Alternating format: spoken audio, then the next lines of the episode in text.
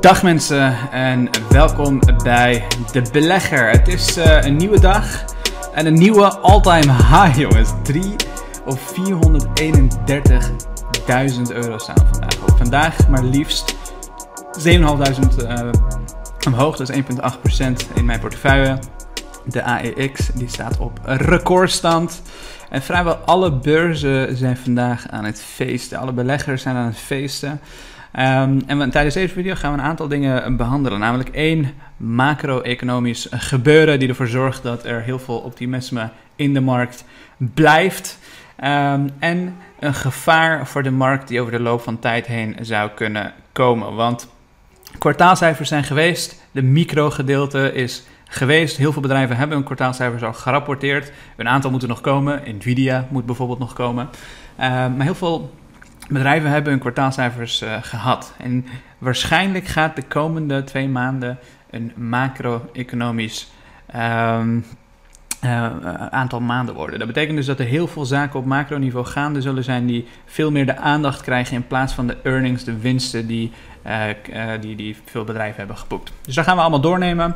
daarnaast geef ik jullie updates over een aantal aandelen die mensen bij mij in de comments hebben geplaatst gisteren.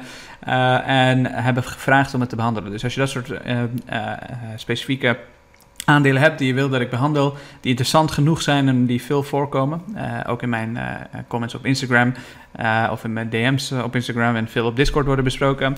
Een aantal daarvan zal ik kort behandelen. heel even snel wat er aan de hand is, mijn mening. Um, en dat soort zaken. Dus laat in de comments achter.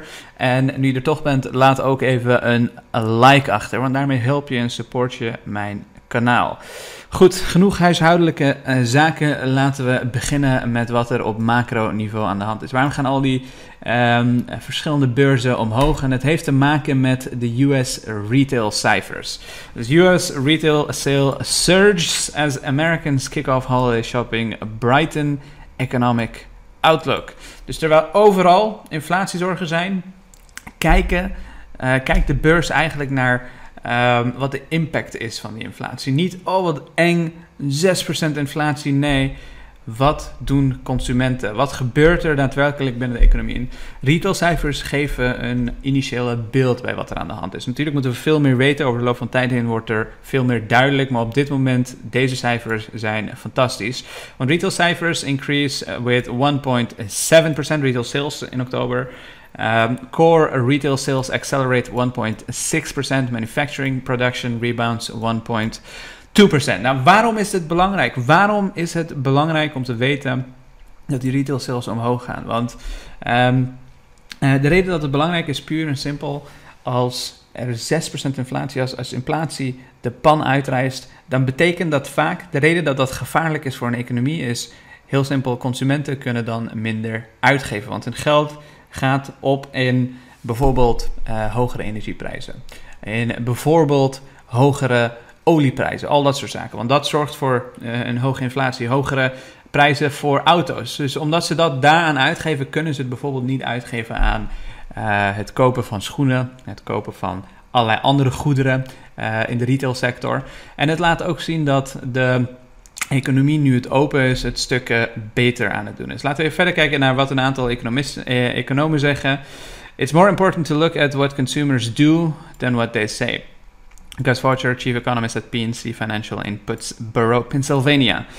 They are concerned about higher inflation, but they are still in good shape and are continuing to spend. Retail sales jumped.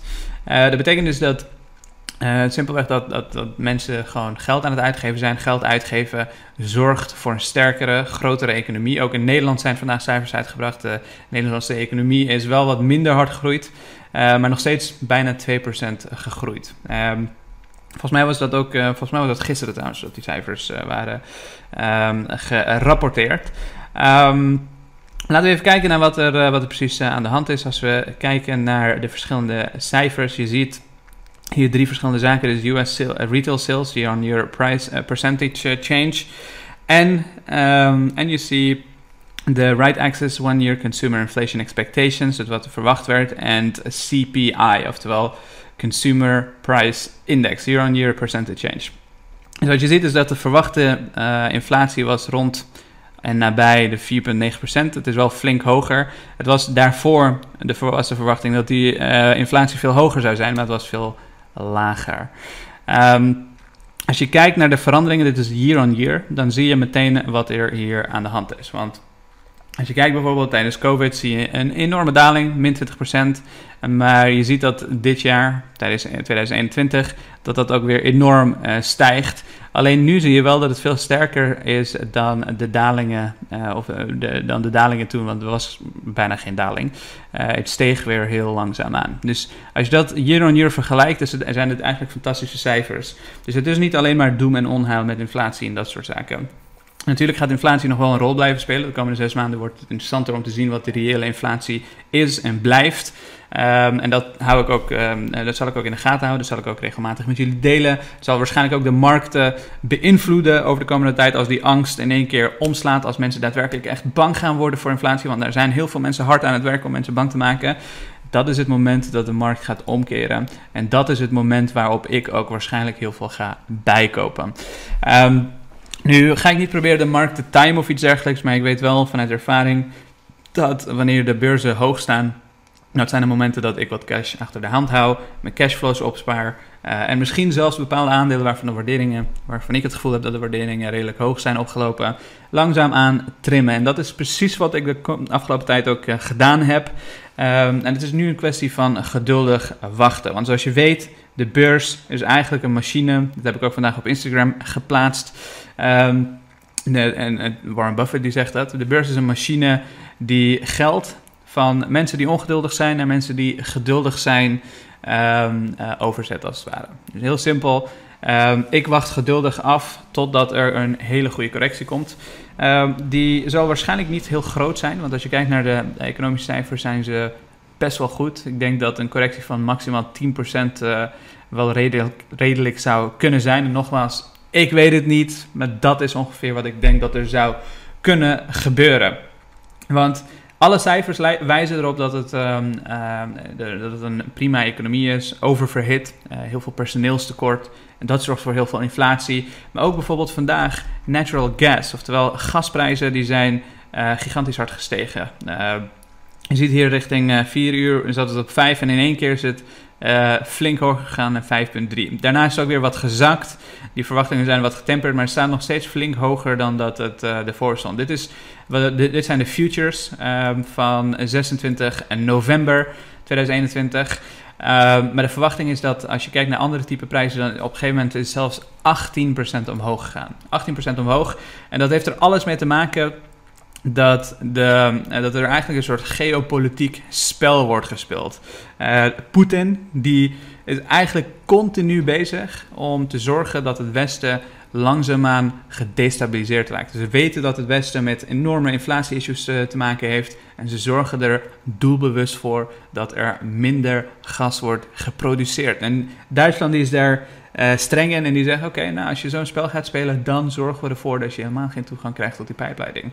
En dat is wat vandaag gebeurd is. Dat is waarom die prijzen omhoog zijn gegaan. En je weet, gasprijzen die zijn 400% omhoog gegaan de afgelopen tijd. En dat zorgt voor hevige hevige inflatie. Als je geluk hebt, heb je je gasprijs al, vast, uh, al vastgezet. Als je pech hebt, moet je dit jaar gewoon hogere gasprijzen betalen.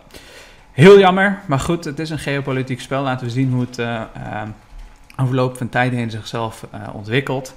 Um, de aandelen die we gaan bespreken zijn Ahold, Shell, Peloton, Nvidia en Rivian. En voordat we dat doen, gaan we naar Bitcoin. Want Bitcoin die is vandaag wat gezakt, ongeveer 7%. En ja, iedere keer als ik het over Bitcoin heb, krijg je heel veel haat over me heen. Doe je ding, het is mijn mening. Ik vertel gewoon simpelweg wat ik zie. Uh, Bitcoin is wat gezakt. En de reden is puur en simpel, zoals ik zei ook eerder in mijn uh, video's. Ik zie Bitcoin persoonlijk niet als een hele goede inflatie hedge. Het is een hele volatiele, jonge uh, asset class die eigenlijk zichzelf nog verder moet bewijzen. Er moeten heel veel mensen gaan geloven dat het daadwerkelijk een inflatie-hedge is, voordat dat ook daadwerkelijk gebeurt. Dus je ziet goud stijgen wanneer inflatie piekt, maar bitcoin die stijgt niet mee. Um, en dat is helemaal niet erg, want over de loop van tijd heen kan dat natuurlijk komen. Als heel veel mensen daadwerkelijk zoiets geloven, dan is het niet anders. Uh, dan zal het niet gekker zijn dan dat dat ook daadwerkelijk gaat gebeuren. Maar op dit moment is het nog te vroeg. Het moet nog volwassen worden. Ehm, ik heb nog steeds 0,1 bitcoin. En die 0,1 bitcoin is dus vandaag met 6% gezakt. Ehm, ik heb overigens wel wat geld verdiend met bitcoin. Ik heb het best wel vroeg gekocht een tijd geleden. Dat was ook toen 0,1 bitcoin. Uh, dat ging van, ik geloof zo'n... Ehm, Zo'n zo 3K of iets dergelijks. Uh, en ik had ook nog wat, wat, andere crypto's. Uh, gingen dat nee, zo'n 17K. Dat was het moment dat ik een flinke winst heb genomen. En maar 0,1 Bitcoin heb behouden. En alle geld naar mijn de Giro-account overgemaakt. Maar goed, dat is even kort de Bitcoin-update. Laten we het hebben over um, een aantal verschillende aandelen. Want Ahold, die we gisteren besproken hebben. één ding wat ik had gemist om te zeggen is dat. Um, Ahold uh, Bol.com naar de beurs wil brengen. Waarschijnlijk het uh, tweede kwartaal van volgend jaar, dus dat zal over ongeveer zes maanden zijn. Uh, die willen Bol.com afsplitsen, naar de beurs brengen, zoals Coolblue dat bijvoorbeeld ook wilde doen. Uh, dus dat wordt een hele interessante. Ik ben benieuwd wat die cijfers zijn. Ik ben benieuwd met welke gegevens ze komen. Want Bol.com zou wel een bedrijf zijn op zich waar ik in geïnteresseerd zou zijn om in te beleggen, mits die cijfers goed zijn. Um, en Ahold die krijgt vandaag ook nog eens een downrating, waardoor ze 3,2% zijn gezakt. Dus dat is even een korte update over Ahold Shell, die stijgt, die blijft maar stijgen. Uh, dat heeft ten eerste met de hogere olieprijzen te maken, maar ook met de verandering naar Londen. Um, beleggers zijn blij, want ze hoeven minder dividendbelasting te betalen. Vooral institutionele beleggers, want voor kleine beleggers krijg je die belasting toch wel terug. Um, maar inderdaad, Shell die, die blijft omhoog gaan, want ze hebben gewoon een prima beslissing, financieel gezien een prima beslissing uh, genomen. Uh, maar ook Shell die doet het vandaag prima. En Proces die halen eigenlijk samen met Unibail en Basi en Just Eat de AX vandaag naar een recordstand. Dus dat is heel fijn om te zien. Laten we het uh, hebben over uh, Peloton. Peloton, als je dat bedrijf niet kent, die gaat vandaag zo'n 14% uh, omhoog. Maar als je kijkt naar de afgelopen, laten we zeggen, een jaar, dan is het van de piek uh, ongeveer 70% gedaald. En Peloton die is tijdens COVID eigenlijk een hele mooie hype geweest, want heel veel mensen die bleven natuurlijk thuis. En die hadden zo'n uh, Peloton fiets nodig. Zij maken van die fietsen waarmee je thuis kunt trainen, met allerlei schedules en trainingsmateriaal.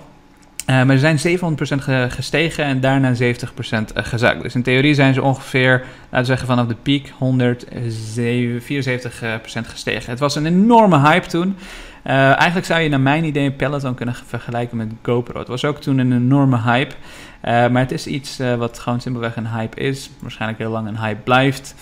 Um, ja, ik weet niet of het heel lang overigens een hype blijft. Hypes die, uh, ja, zodra ze geen hype meer zijn, zijn ze geen hype meer. Uh, maar Peloton die heeft ook vandaag aandelen in, uh, uitgifte aangekondigd, of een claimemissie, meer aandelen op de beurs.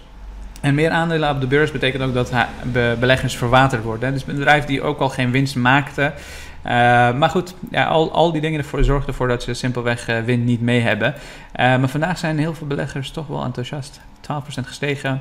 Um, heel veel mensen denken dat ze er ook echt daadwerkelijk wat van kunnen maken. Dat, die, uh, geld wat ze, dat het geld wat ze ophalen, dat het ook goed besteed kan worden. En dat ze daarmee gaan innoveren. En dat ze daarmee niet alleen een hype blijven. Maar dat moet nog, ja, dat valt nog te bezien jongens.